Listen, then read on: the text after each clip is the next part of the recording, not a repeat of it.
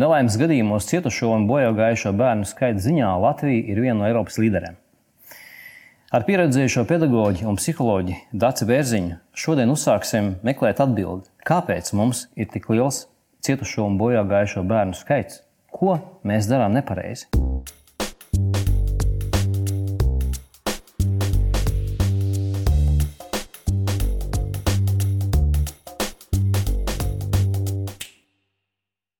Dāca prieks redzēt. Man te arī prieks redzēt. Bet tēma nav tik jauka, kā varētu šķist. Bet es domāju, ka mēs pie tā pieķersimies tagad. Mm -hmm.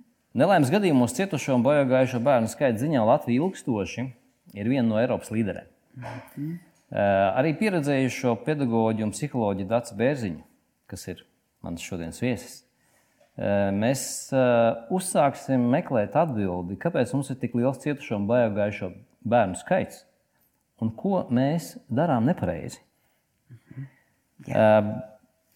Ņemot vērā jūsu matemātiķa, gan psihologa kvalifikāciju, ar lielu akadēmisko un praktisko pieredzi, um, studenti jūsu lekcijas man ieskatot, savulaik apmeklēja ar gandarījumu, lai gan bijāt vērīgi un prasīgi. Kāpēc tomēr mums ir tik liels cietušo un bojā gājušo bērnu skaits? Kāds ir jūsu viedoklis? Ko mēs darām nepareizi? Šeit ir divi aspekti. Pirmais aspekts ir, nu, ja tā nosacīt, mēs varētu teikt, vecās demokrātijas valsts un jaunās demokrātijas valstis. Ja? Vecās demokrātijas valstīs akcents uz to, ka katra bērna dzīvība ir vērtība, šobrīd likumsakarīgi novedis līdz tam, ka vecākiem līdz pat 13 gadu vecumam nedrīkst. Nu, kurās valstīs 12, kurās 13, kurās 10, bet katrā ziņā līdz salīdzinoši lielam vecumam, vecākam likumiskā formā tiek pieprasīts būt kopā ar savu bērnu, neatstāt bērnu vienu, neatstāt bez uzraudzības. Un ir ļoti smaga šī likumiskā atbildība. Uh, Latvijā šī robeža ir septiņi gadi šobrīd. Ja? Pēc septiņiem gadiem bērns drīkst. Atšķirībā no Eiropas. Ja? Atšķirībā no daudzām Eiropas valstīm. Ah, ne visām. Jā. Ja? Ne visām. Uh, bet nu, vecās demokrātijas valstīs tā tendence ir tāda, ka tomēr nu, cenšas pēc iespējas ilgāk, lai nodrošinātu bērnu drošību, cenšas pēc iespējas ilgāk uzturēt bērnus, nu, tātad vecāku pieskatītus, vecāku kontrolē. Un, un tātad, kur vecākiem it kā uzlikt, uzlikt atbildību par to, lai nekas ar bērnu nenotiktu. Jā. Bet uh, tiem, teiksim, kas notiek Latvijā, kas notiek šajās jaunās demokrātijas valstīs, īceļš postpadomju valstīs. Um, tie, kas šobrīd ir bērnu vecāki, paši vēl ir tā paudze, kuri no savas bērnības atcerās. Vecāki bija darbā no rīta līdz vakaram, augām paši. Septiņu, astoņgadīgiem bērniem, tagad jau man pašiem bērni jau ir vecāki saviem bērniem, tāds var teikt. Es arī biju no tiem, kuru bērni pieskatīja jaunākos bērnus.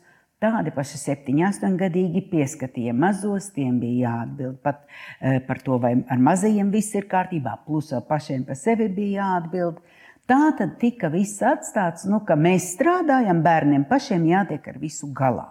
Mhm. Un, protams, arī tajā laikā bija pietiekami daudz nelaimes gadījumu. Ja? Bija pietiekami daudz, kur bērni nu, tātad, uh, cieta gan, gan negadījumos, kas beidzās letāli, gan negadījumos, kas atstāja paliekošas sekas uz visu mūžu. Ja? Vienkārši mazāk par tām lietām tajā laikā runājam. Bet tie, kas ir tagad vecāki, viņi uz savas ādas to neizbaudīja.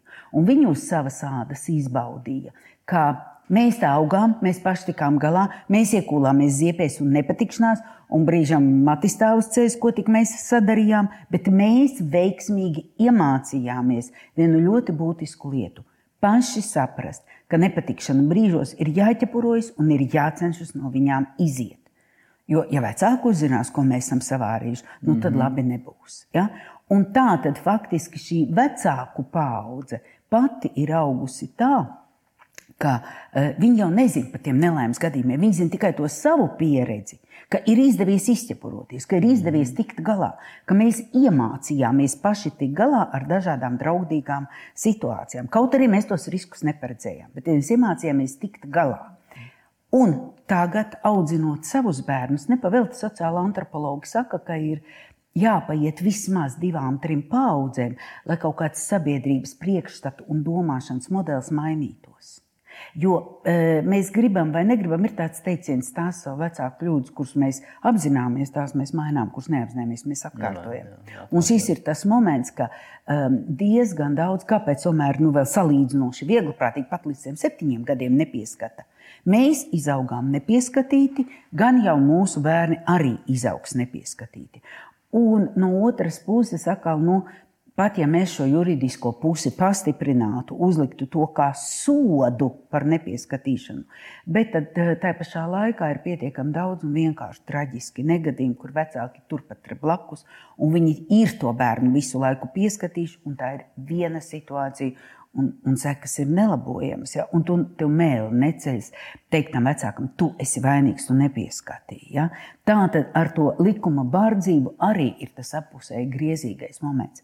Bet šeit ir tas moments, ka tie mūsējie, kuri bērni tā tad ir auguši šajos nu, pašregulējošajos apstākļos, viņi salīdzinot ar šīm vecās rietumu kultūras bērniem, tomēr tie, kas ir, nu, ja mēs skatām, sakām, varbūt drusku cīniski, tie, kas ir izdzīvojuši, mm -hmm. tie ir iemācījušies to vērtīgo lietu, eh, domāt par sekām, paredzēt sekas, piesargāties un, un plānot jau savu rīcību. Nu, tā ka vairs kaut kādās nopietnās nepatikšanās neiekuļamies. Jo lasot par to, kas notiek teiksim, rietumu kultūrā, tur ir tas, ka tas bērns beidzot 13, 14 gados, ja, ja tas vecāks nav viņu mācījis, nu, tādā saprātīgā, tad kontrolētās riska situācijās, Jā. pieredzēt, tomēr, ka ir arī eh, piesardzība vajadzīga. Um, tad tādā gadījumā šie bērni iekuļās jau pusauģu vecumā, diezgan lielās nepatikšanās tieši tāpēc, diezgan apdarodošās situācijās, tieši tāpēc, ka viņiem nav treniņa prognozēt riskus un šos riskus pārvarēt. Vai to nesauc par iemācīto bezpalīdzību? Jā, tieši tā. Kad tā pārāk ilgā tā, tā situācija, kad vecāki visu laiku kontrolē un regulē un pasaka priekšā, un aizliedz un neļauj bērnam pašam, kad kaut kas nenotiek. Viņš kaut ko.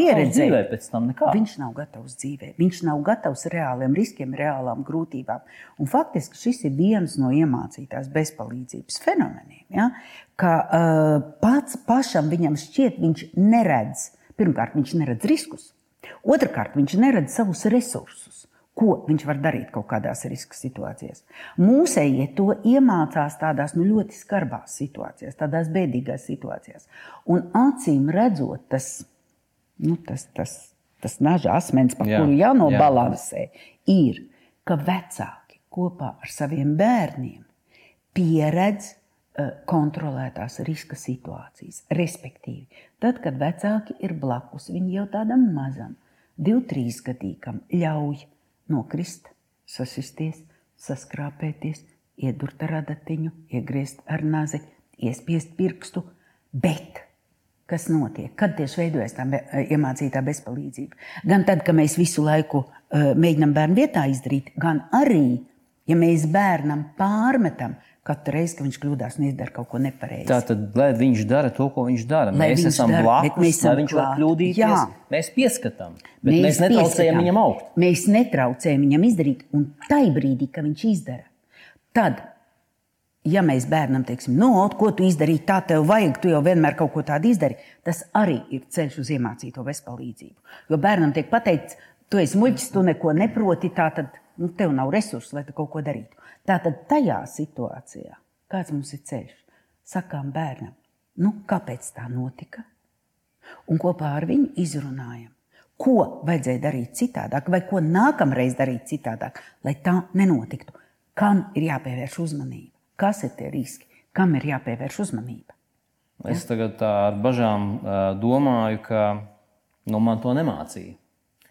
Tad, kad es mācījos pirms gadiem, 15, Jā. 20. To man mācīja nedaudz, bet tie vecāki, kas ir, nu, mm, tad, kad man dzima bērni, es faktiski šo nezināju.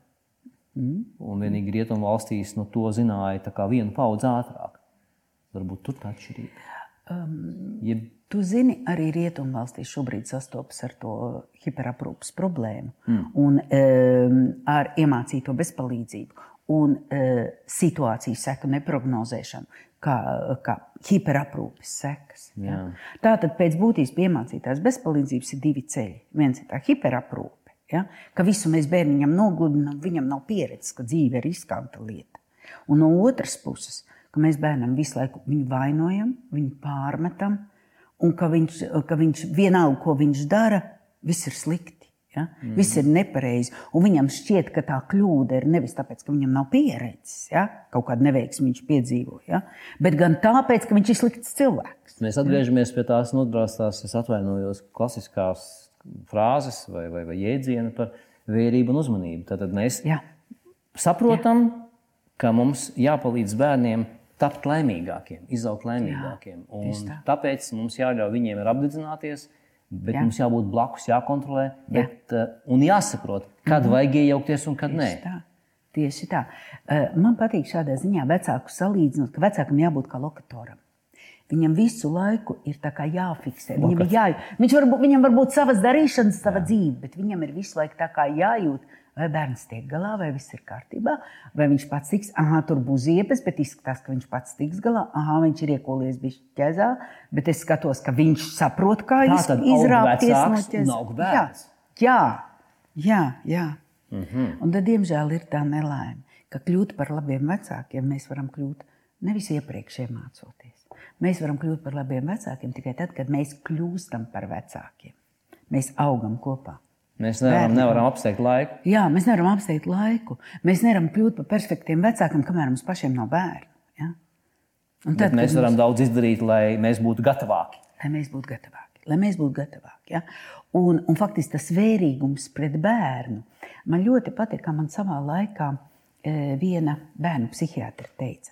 Viņa teica, mēs nevaram e, bērnu izmainīt. Nu, kāds viņš ir, tāds viņš ir, un kādu pieredzi viņš apgūst, tādu viņš apgūst. Bet mēs varam viņam palīdzēt iemācīties dzīvot tādam, kāds viņš ir. Hmm. Tā tad nevis kritizēt labi, bērnu par to, ka viņš ir tāds, kāds viņš ir, un ka viņam tā pieredze ir pamazs. Iemācīties dzīvot tādam, kāds, kāds viņš ir. ir. Jā, palīdzēt iemācīties dzīvot. Pārvarēt, pal dzīvot tālāk. Un palīdzēt, tieši tā, un palīdzēt iemācīties dzīvot. Sevi ietver ka es palīdzu bērnam saskatīt gan situāciju riskus, gan viņa resursus, gan to, kā viņš var tikt ar dažādām grūtībām galā. Ja? Kādā veidā viņš var pārvarēt grūtības. Ja viņš nevar darīt to, ko viņš ir izdomājis, ja tur viņam piedzīvo neveiksmi, tad parādīt viņam, tev ir iespējas darīt kaut ko citu, ja? izvēlies. Ja? Tā tad te ir tāda interesanta nianses, kā mēs varam, ka faktiski mums visu laiku ir jāpatur prātā, par kādu cilvēku es gribu redzēt, lai izaug mans bērns. Un vai tas, ko es daru šodien, viņam ieaudzina tās īpašības, kuras es viņā gribēšu redzēt, kā pieaugušajā, vai neieaudzina?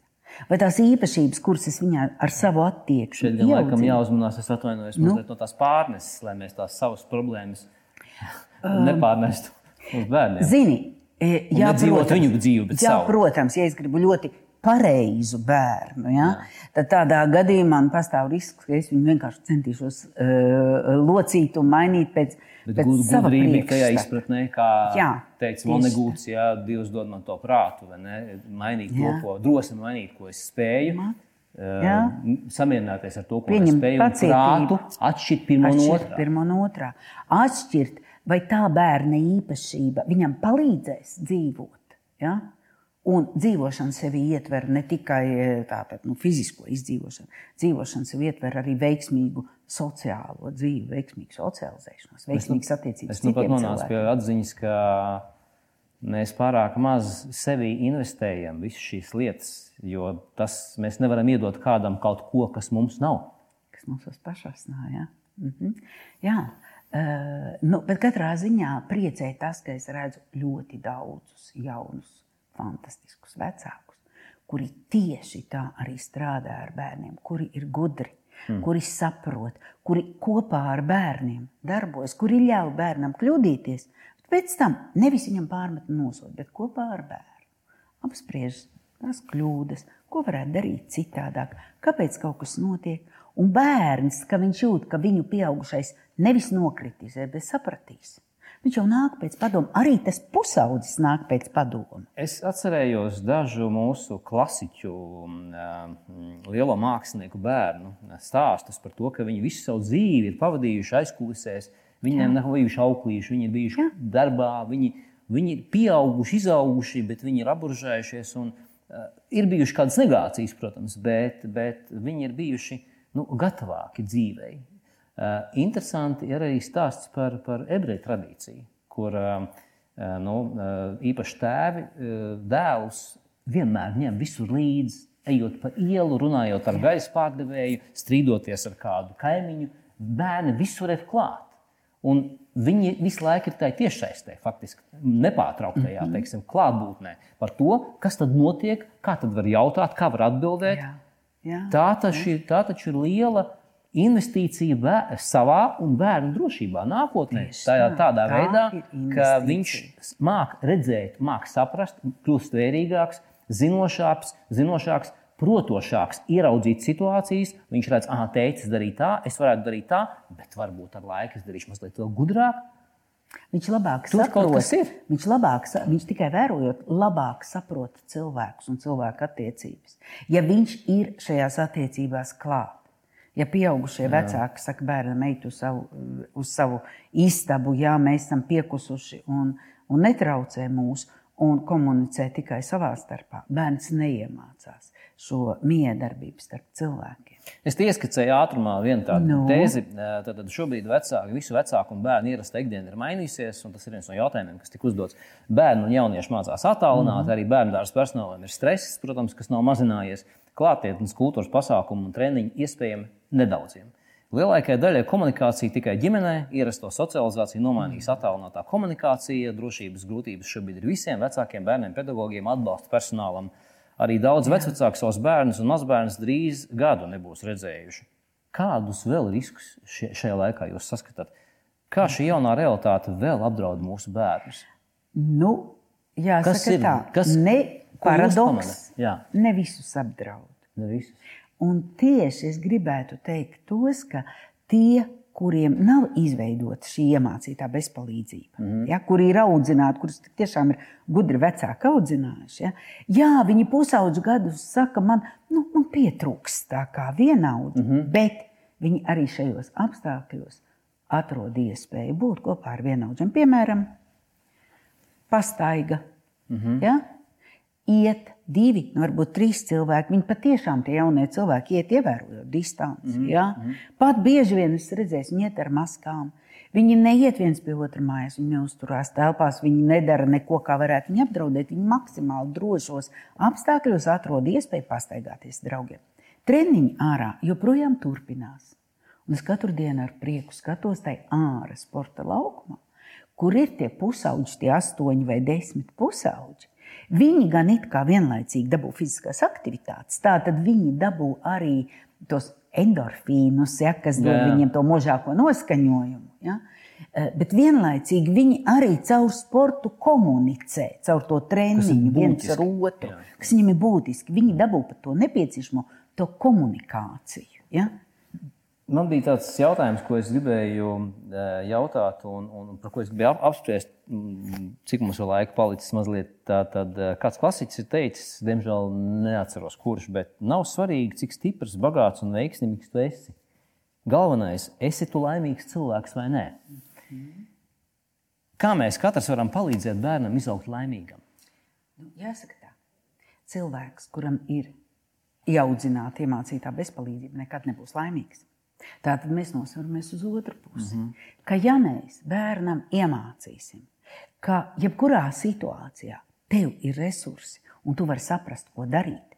Ja tu nevari darīt to, ko tu gribētu, tad noteikti ir kaut kas cits, ko tu vari darīt. Ja? Un, un tas arī tev var sniegt pietiekami lielu gandarījumu. Ja tu nevari izdarīt, ja ne, iet pa durvīm, tu vari ielīst pa logu. Ja? Mm -hmm. Bet katrā ziņā tā tad saskatīt iespējas un saskatīt savus resursus un ticēt savām spējām. Tas ir tas, ko mēs vislabākais varam investēt, lai bērns justos drošs ne tikai fiziski, bet arī psiholoģiski un emocionāli. Būt, lai viņš tiktu galā ar savu dzīvi.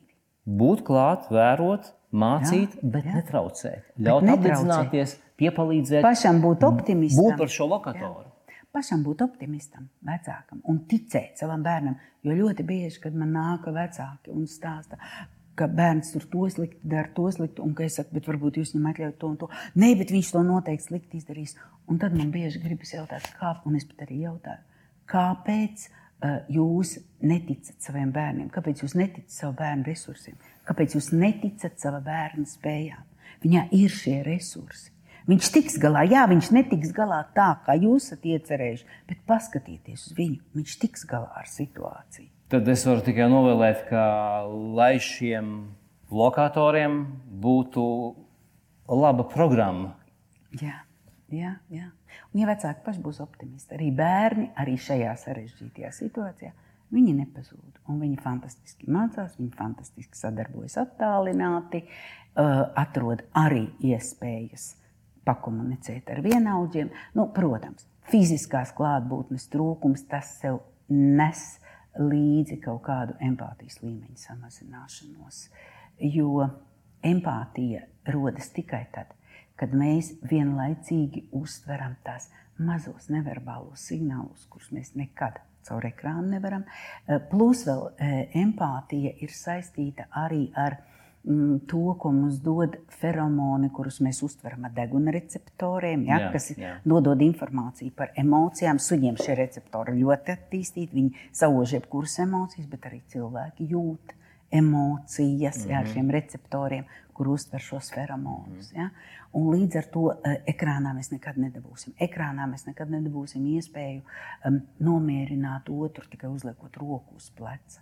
Tie ir tie riski, kas ir šai situācijai. Ja? Bet uh, vismaz kaut kādā mērā, ja bērns jūt, mana ģimene mani saprot, mēs to varam kompensēt. Mēs varam, kaut arī laika ir grūti, bet mēs varam tomēr iedot tam bērnam. Ja? Es nesen lasīju, varbūt nobeigumā, viedokli, eh, kāda eh, izbijušo laiku atletiskās vingrošanas speciālistu, kultūristi, mm -hmm. diezgan no ārzemēm tādu viedokli, ka viņš saka, skatoties to, kas tagad notiek, es teiktu, ka ejiet uz zālēm, bet mm. kačājiet arī empātiju. Jā, jā tieši tā. Tieši tā jā. Un to mēs varam dabūt, ja ir empātiski vecāki. Ja? Tad nestoties to, ka tam, nu, tam pusaudzim ļoti pietrūkst tās socializēšanās savā vienaudžu vidū, bet vismaz kaut kādā mērā mēs varam kompensēt un atrast veidu, kā viņš to tomēr. Tas ir viens no aspektiem, kā mēs varam palīdzēt Jā. bērniem būt lielākā drošībā. Jā. Paldies par sarunu!